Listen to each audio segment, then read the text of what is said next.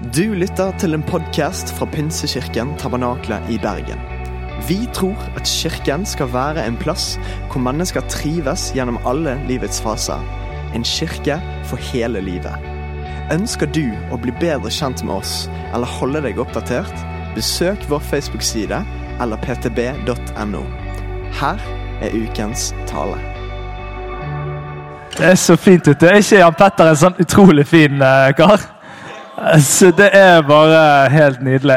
På en måte kunne jeg ønske at han sto der en morgen på mitt soverom og sa sånn her 'Nå er det en ny dag, André. Nå må du bare, liksom, Det er så mye bra foran på denne dagen her.' Du, så, så det går an å bestille Jan Petter hjem. Så det er bare å eh, sende mail til Jan Petter at morgen, eh, morgen Ikke morgenstell, det må ikke du skrive. Et eller annet. All right. Det går det fint med dere, eller? Jeg forstår at noen er inni en boble som jeg er utrolig takknemlig for at jeg ikke er i lenger. Uh, men jeg skal ikke gni det inn at jeg ikke tenker på sånne ting i det hele tatt akkurat nå. I kirketiden så er faktisk eksamenstiden en av de mest rolige tidene. Så jeg kjenner veldig på takknemlighet for at ikke jeg er det. Men, men jeg er så takknemlig uh, for at du er her. Eh, og for at du i en sånn tid velger å komme til kirken. Komme til fellesskapet. For det er ikke for de lette tidene eller for de tidene der det kjennes godt, men det er for hele livet. Eh, og Derfor så syns jeg det er utrolig eh, bra at du er her, og at du velger å sette tid til dette. Og jeg tror ikke det kommer til å gå negativt utover ditt eksamensresultat. Jeg kan ikke love deg sånn positiv effekt her og nå, men, men jeg har lyst til det. Men jeg kan ikke gjøre det. Eh, Du, Vi er inne i en serie som heter Takk og pris. Eh, og Vi begynte med pris, og så gjør vi takk i dag. Så, men vi kalte den Takk og pris allikevel, for det var på en måte enklest. Men det er sånn at, at dette er egentlig en, en serie som handler om egentlig handler det om, om noe av det som er vår respons på Guds gode til oss. Eh, det kan være i vår pris, i vår tilbedelse, men det kan også være i vår takknemlighet. Og Det er akkurat dette med takknemlighet vi skal snakke sammen om her i dag. Eh, og eh, eh, jeg er jo glad for at vi har et sånt lovsangsarbeid som spilles litt av våre sanger rundt omkring i hele Norge. sant? Og det er disse hørt det? Det er, liksom, det er vår gjeng, liksom. Dere skjønner det? sant? Det er ikke sånn en eller annen gjeng som bare sier at de kommer fra Pinsekirken. Det, det er våre folk som, som leder lovsang rundt omkring. Og det som er så fint, er at vi har en sånn sang som heter 'Evig takknemlig'. Eh, og Den har et sånn nydelig vers.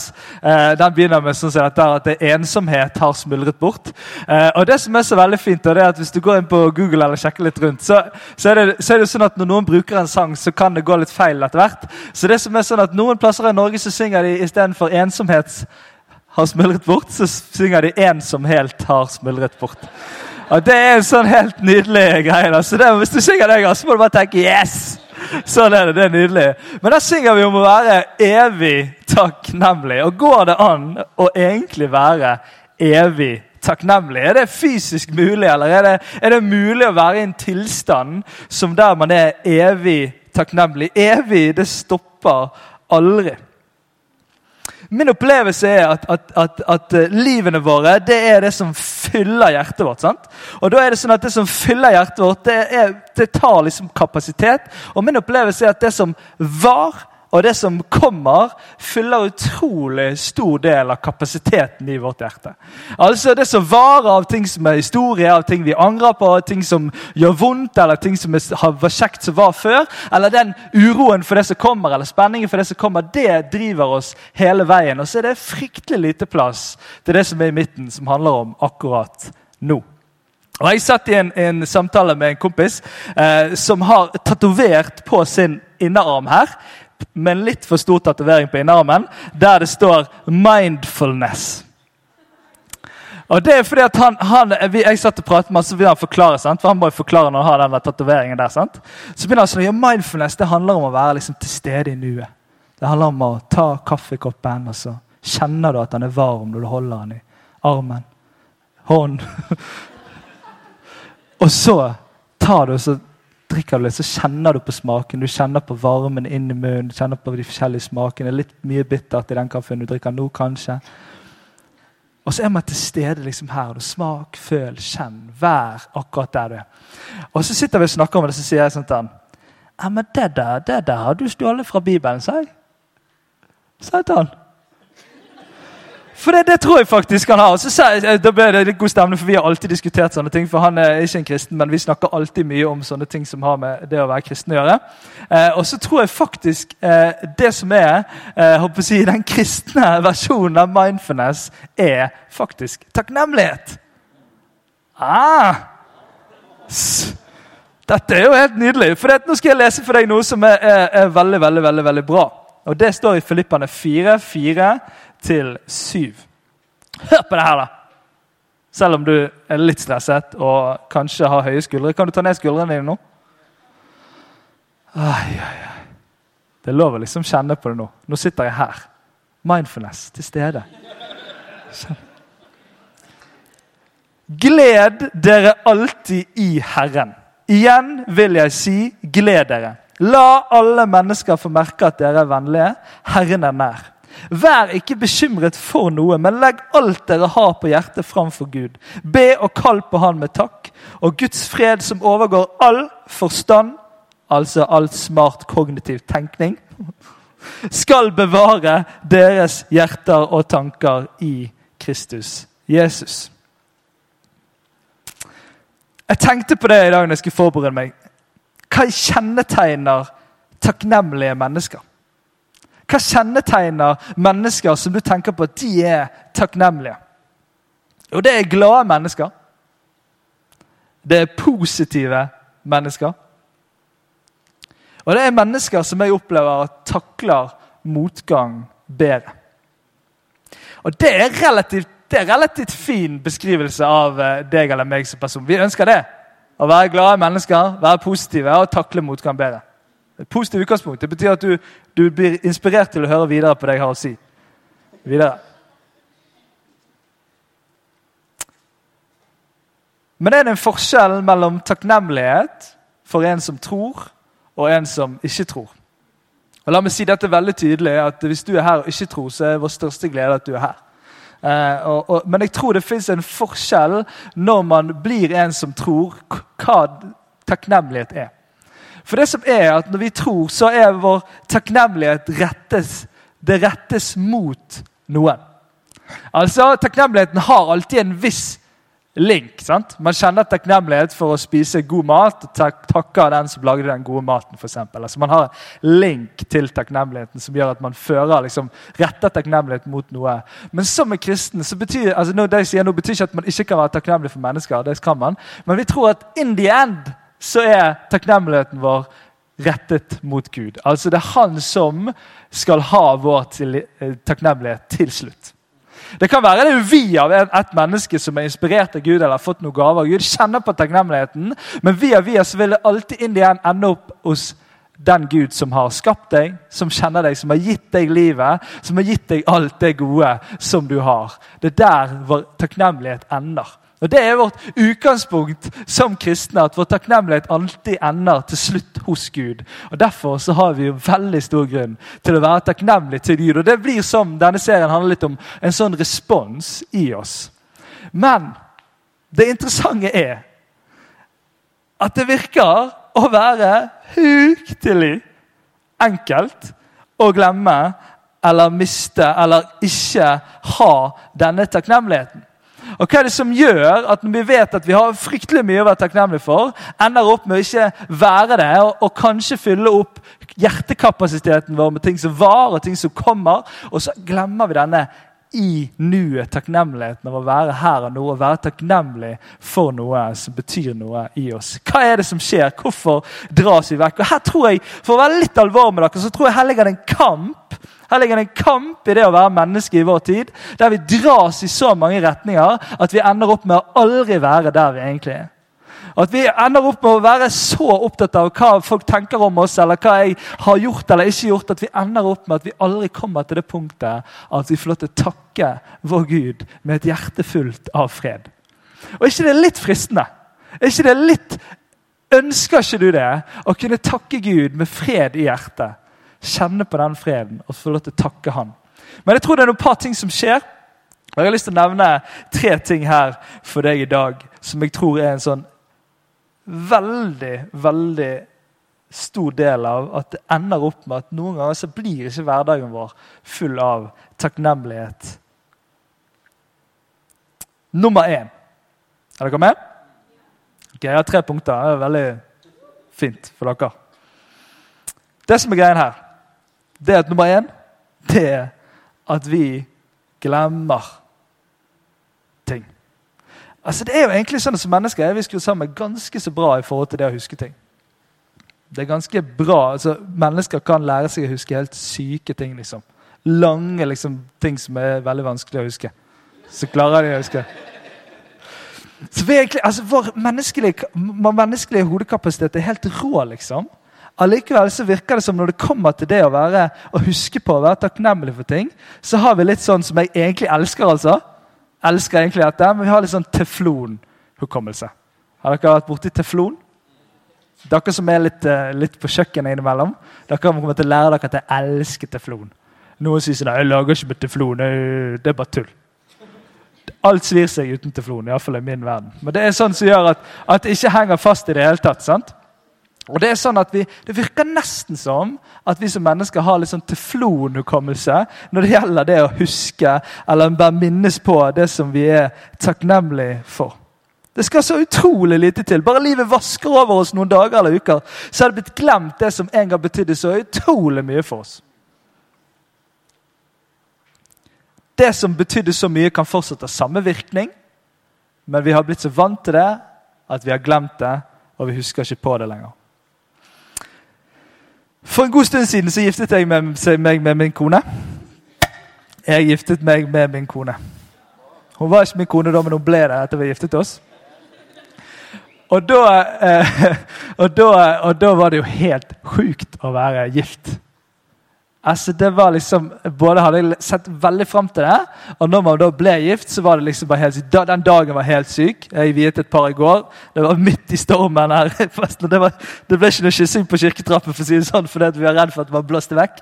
Eh, men det er jo en helt fantastisk dag. sant? Man, man, er liksom på sitt beste, og man har kledd seg fint, og det er nydelig. liksom. Man bare tenker bare wow, liksom. Og så, bare går det litt stund, og så er det ikke lang tid før det liksom blir veldig vanlig. Og så skjønner jeg at man kan ikke leve hver dag når man for er gift, som om at liksom vi skal reises opp og så stå foran hverandre og så si ja til hverandre. og Så er det et sånn øyeblikk, og så har vi med oss en på Kis og spiller i bakgrunnen. Og så blir det veldig bra. Men, men, det går ikke an, liksom. Så man må begynne å leve litt hverdag.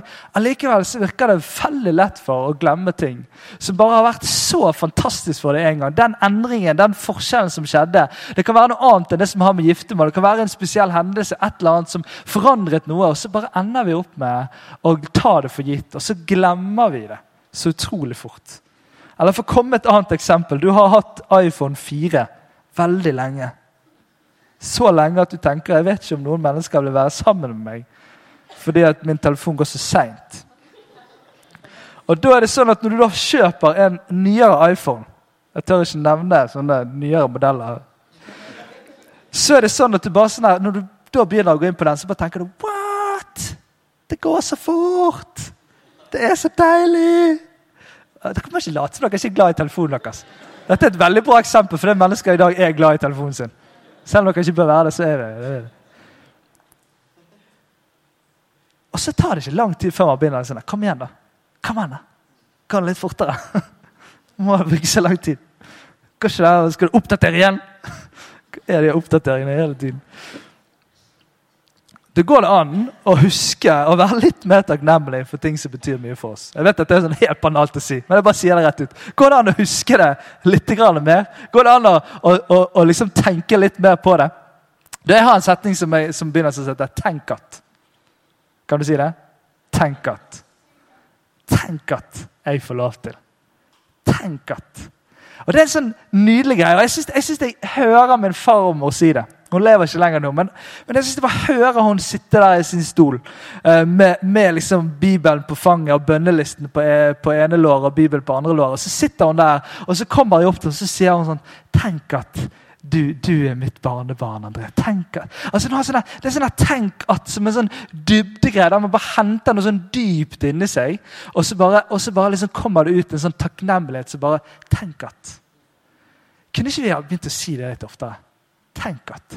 Og nå, nå trenger ikke vi bli sånn der, eh, for det, det, er jeg litt allergisk mot sånne gladkristne som er sånn der, uansett hva som skjer, så bare Ja, men tenk at liksom, Det er så kjipt å ha kjent så bare, Tenk at liksom det, altså, man, man, kan være realitetsorientert, men kanskje blir vi litt for realitetsorientert noen ganger på de negative tingene. Kanskje trenger vi å realitetsorientere oss mer om de gode tingene. Tenk at tenk at Kanskje du kan ta og si den setningen litt oftere. Og jeg tror at Hvis du sier den, så vil du også minne andre mennesker på ting de er takknemlige for. For det er sånn det skjer Når vi begynner å snakke ting, så smitter det det vi sier ut med munnen vår. Og så vil det smitte andre mennesker. Og Du kan til og med være sånn at du kan få lov til å påpeke positive ting inn i et annet persons liv. Så den blir takknemlig.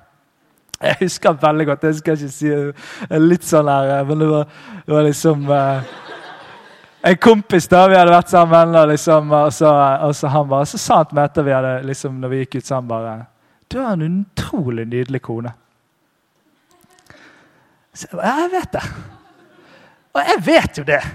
Altså, Jeg vet jo det bedre enn noen andre at hun er utrolig nydelig. Men det var et eller annet spesielt med at han sa det. Det var så fint, egentlig. For det var ikke noe sånn ekkelt. Det var, det var veldig fint. Fint ment. Uh, og da tenker jeg at Det går an å si sånne ting inn, som kan gjøre at man liksom får liksom kjenne på den takknemligheten. Man kan til og med begynne å plante en sånn takknemlighetsfølelse uh, og, og, og uh, opplevelse i andre menneskers liv. Husk at du kan være med å dra fram takknemlighet i andre. Dra det fram.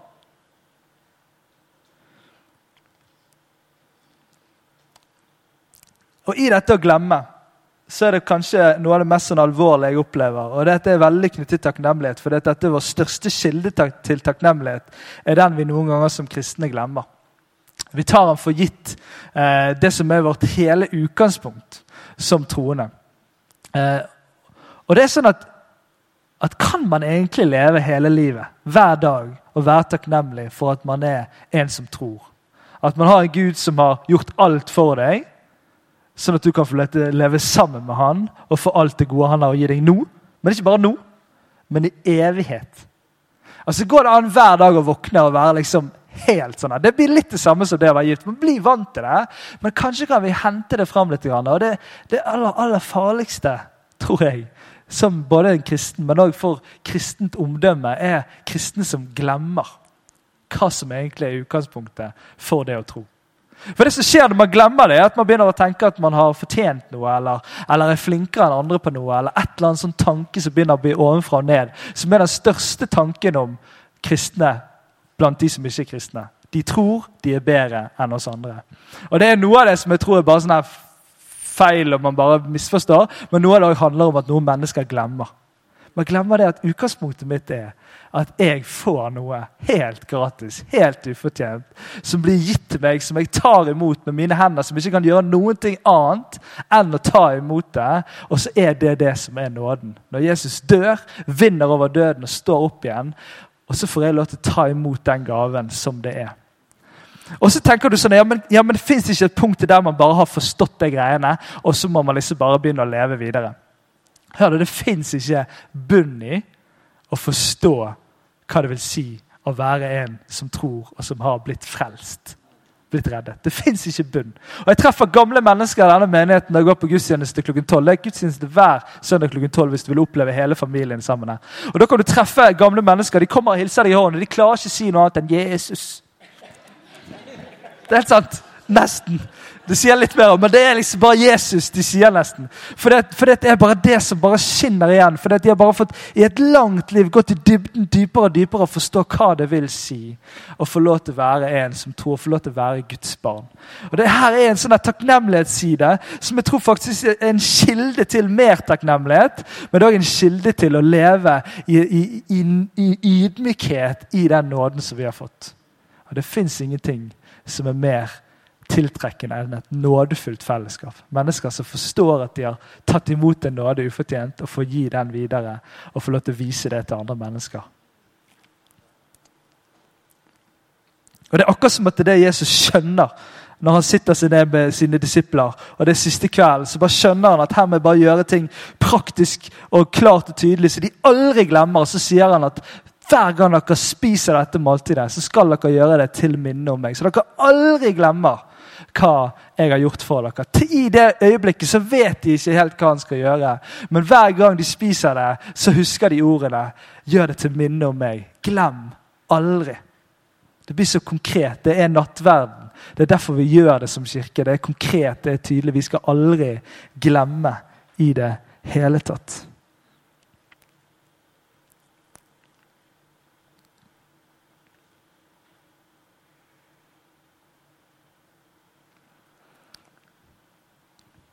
Når jeg tenkte på dette med å glemme, og i forhold til dette, så tenkte jeg på noe. Jeg vet ikke helt om det er riktig engang, men jeg, jeg følte jeg skulle si det. Og det er sånn at, at, at, at vi, vi, eh, vi, bruker jo av og til å liksom, eh, få takknemlighet av å tenke på at noen har jo det verre enn oss. Sant? Og Spesielt i Norge så er det en, en sånn klassisk greie, fordi at vi har det liksom blant de 2% som har det best i hele verden. Derfor så blir det veldig vanskelig å ikke tenke det, for det er så mange som har det verre enn oss. Og så tror jeg at det er noe bra i forhold til noen funda fundamentale ting liksom, som handler om, om, om, om, mat og vann og sånne ting. For dette handler om å forstå at liksom, til og med det vi tar for gitt, det er noe vi kan være takknemlige for.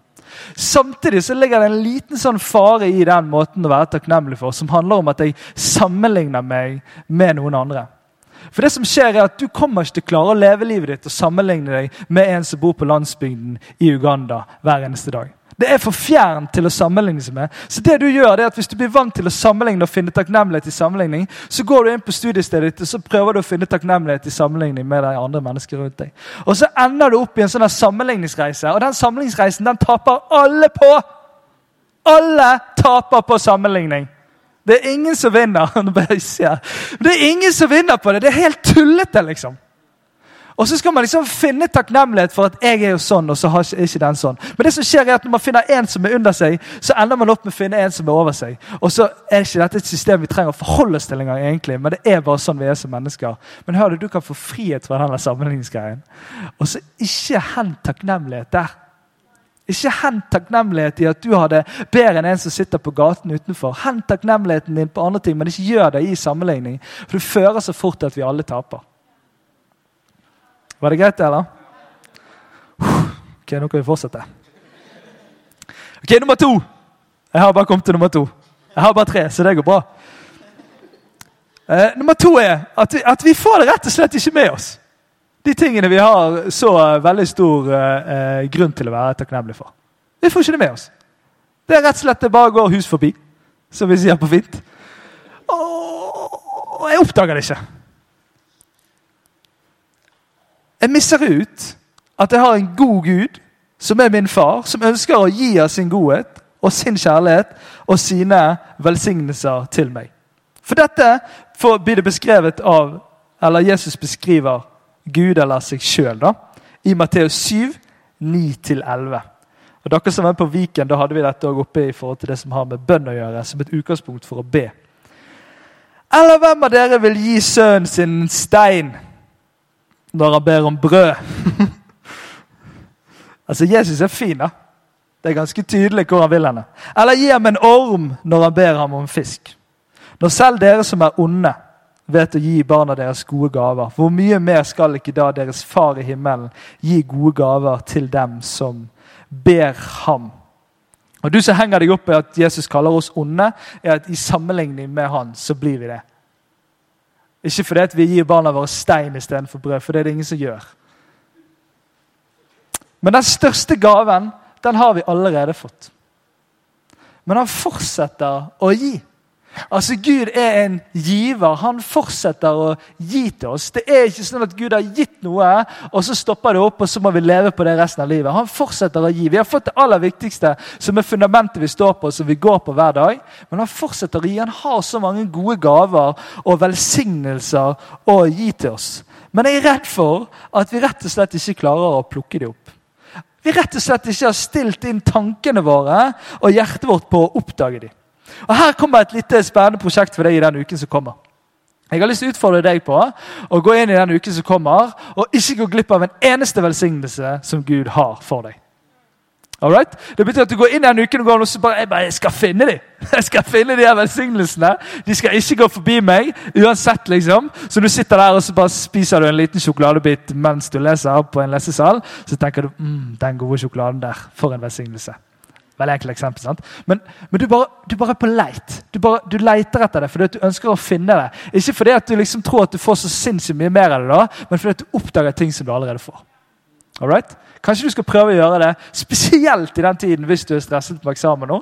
Eh, så spesielt gjør det i denne tiden. Kanskje kan du oppdage at det er så mye bra som du får. Og det Kanskje kan det gjøre at du forventer velsignelser når du leter etter det i eget liv. Ofte så ser vi det langt etterpå. I et eller annet retroperspektiv så ser vi wow, der var Gud god mot meg. Der ga han meg noe. Kanskje kan vi oppdage det litt tidligere og få lov til å leve i takknemlighet og rette den takknemligheten til Han.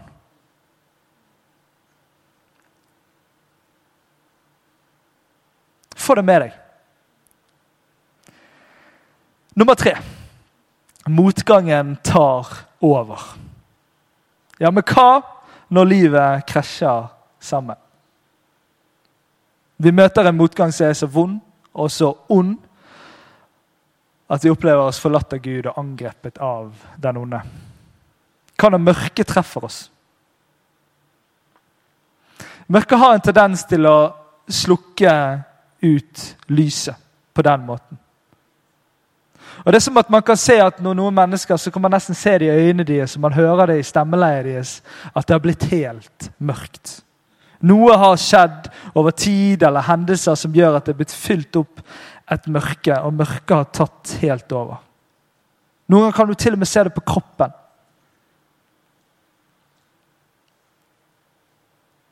Det interessante er at den personen som er fylt av mørke, så kan man se en annen person fylt av lys, men som samtidig har opplevd minst like gale ting som den personen. Og hva er forskjellen her? Jo, jeg tror det er responsen på motgang som er avgjørende. Og Nå skal vi gå inn i en fortelling som er helt vanvittig. og Det er Paulus som er en av de som skriver de fleste brevene i Det nye testamentet. Han er en av de første kristne som er rundt og forteller om Jesus. Så Det skaper spenning i det samfunnet, og de blir prøvd å bli stoppet, og de blir kastet i fengsel. Og Før disse to Paulus og Silas blir kastet i fengsel, så blir de offentlig ydmyket av alle klærne av og piskes på åpen gate. Og så slenges de inn i det aller innerste fangehullet, og så blir de lenket fast der og med strengt vakthold. Og så sitter de der. Og Jeg bare kjenner på det når jeg leser fortellingen uten å prøve å få meg til å liksom huske at jeg ikke skal vite hva som er endingen etterpå. Så begynner jeg å tenke sånn her, Her hadde det mørknet for meg. Her hadde jeg så veldig hatt lyst til å grave meg sjøl ned. Hva er det du holder på med, Gud? Her driver jeg og forteller om Jesus. Jeg driver og forteller det budskapet du har bedt meg å fortelle. Det jeg får, er en offentlig ydmykelse og, og, pisking og fengsel. Og så sitter de der inne og så tenker de har all grunn til å grave seg videre ned i det mørket som de allerede sitter i innerst i det fangehullet. Og så er det ikke det som skjer. Og her, Dette er umenneskelig, det som skjer. Jeg skjønner ikke at det er mulig. Altså, dette er et gudsbevis. vil jeg si. Når disse menneskene sitter i dette aller innerste fangehullet, så kommer det en sånn respons til dette. Vi kan lese om det i Apostlenes gjerninger 1625. Og der står det Ved midnatt, mid, midnatt, midnattstider holdt Paulus og Silas bønn og sang lovsanger til Gud, og fangene lyttet til dem. Er, det, er, det, mulig, liksom? Er det da man liksom foreslår at vi skal ha et bønn- og lovsangsmøte? Er det da man responderer på den måten? Det er helt vanvittig, og det ligger noe annet takknemlighet som ikke kan tas fra dem, uansett hva folk gjør med dem. Så De finner i dette mørke hullet, og så responderer de på det mørket de er blitt utsatt for, med lys. Og Det som skjer når man responderer på mørket med lyset, er at lyset sluker mørket. Det betyr ikke at det ikke er vondt, det betyr ikke at det ikke er mørket som treffer, men det betyr at det er lyset som alltid vinner over mørket. Du går inn i et mørkt rom og slår på lyset, så vinner aldri mørket. Hvis ikke lyspæren er godt, eller et eller annet. Mørket vil alltid tape for lyset. Og Jeg kjente på at jeg hadde lyst til å lese noe til deg. Inn i dette av å være takknemlig. Fordi at Bibelen forteller oss om et helt liv og alle de forskjellige delene av livet. Det fins ingenting i denne boken som forteller oss om et enkelt liv der alt skal bli så veldig veldig enkelt hvis vi tror på Han. Men han forteller oss om en Gud som er med gjennom alle forskjellige sesonger av livet. Og Dette er en helt fantastisk salme som skrives, og som, som kanskje noen har hørt før. Men jeg har lyst til at du skal høre den igjen, for den forteller noe av hele bredden av det å være en som tror. Herren er min hyrde. Jeg mangler ikke noe. Han lar meg ligge i grønne enger. Han leder meg til vann der jeg finner hvile. Han gir meg nytt liv han fører meg på rettferdighetsstier for sitt navns skyld. Det er bare bra, det er bare nydelig, det er fint. Og så kommer det om jeg enn skulle vandre i dødsskyggens dal. Og Det var i skyggen rovdyrene levde, det var i skyggen der det var fare, det var der det var død, det var der det var vondt. Om jeg skulle vandre i dødsskyggen dal, frykter jeg ikke noe ondt, for du er med meg. Din kjepp og din stav trøster meg. Du dekker bord for meg like foran mine fiender. I møte med vonde ting i livet som kan oppleves som fiender eller mennesker, eller hva det skulle være, så er han der så nært og helt tett innpå. Du salver mitt hode med olje, mitt beger renner over. Bare godhet og miskunn skal følge meg alle mine dager, og jeg skal få bo i Herrens hus gjennom alle tider. Det hele livet og takknemligheten tror jeg har samme kraft som den bønn og lovsang som Paulus og Silas roper ut. For det som skjer når de roper ut, er at da begynner det å riste. Og så brytes lenkene av, de fysiske lenkene som holdt de fast i det mørket som de var dratt inn i. Og så brytes de lenkene, og så får de lov til å gå ut i frihet. Og Jeg tror på samme måte at takknemlighet har den kraften i seg til å bryte noen sånne lenker som kan knyttes inn i det som har med mørket inn i oss i livet vårt. Om det er ting vi fyller oss sjøl med, eller om ting som blir påført oss, eller har blitt påført oss, så kan takknemligheten være med å bryte på samme måte som denne bønn- og lovsangstunden gjorde, som brøt de fysiske lenkene. Så er ofte de psykiske eller de indre lenkene vel så vonde og vanskelig å bryte i egen kraft. Men så bare skjer det noe når lyset får slippe inn. Jeg kjenner litt på det nå, at du skal få lov til å slippe inn det lyset.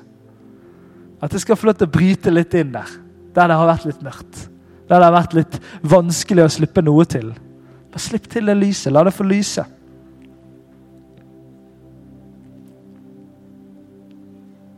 Takknemlighet er en følelse. Jeg føler meg takknemlig. Det er godt, og det er ingenting galt med det å føle det. Men vi vet at følelser er vanskelig. For det svinger, det hopper, det går dit og hit og dit. Og vi vet ikke alltid helt den logiske grunnen bak det. Og Derfor så har jeg lyst til å utfordre deg og inspirere deg til å være takknemlig uavhengig av følelser. Jeg er sikker på at følelsen på ryggen til Paulus av piskeslagene kunne ha ført til en annen slutning enn det valget han gjør av å tilbe og lovsynge og be til Gud i den situasjonen han var i. Det kan være et valg. Og Kanskje er det sånn i dag at det er et valg om å ikke glemme det vi er så takknemlige for. Et valg om å oppdage nye ting å være takknemlig for. Et valg om å ikke la motgangen sluke takknemligheten, men heller la takknemligheten sluke motgangen. Og folkens, la oss aldri til, slutte å dykke til kilden av der den evige takknemligheten egentlig ligger. Den ligger ikke i meg, den ligger ikke i deg, men den ligger i det kors som Jesus døde på og sto opp igjen.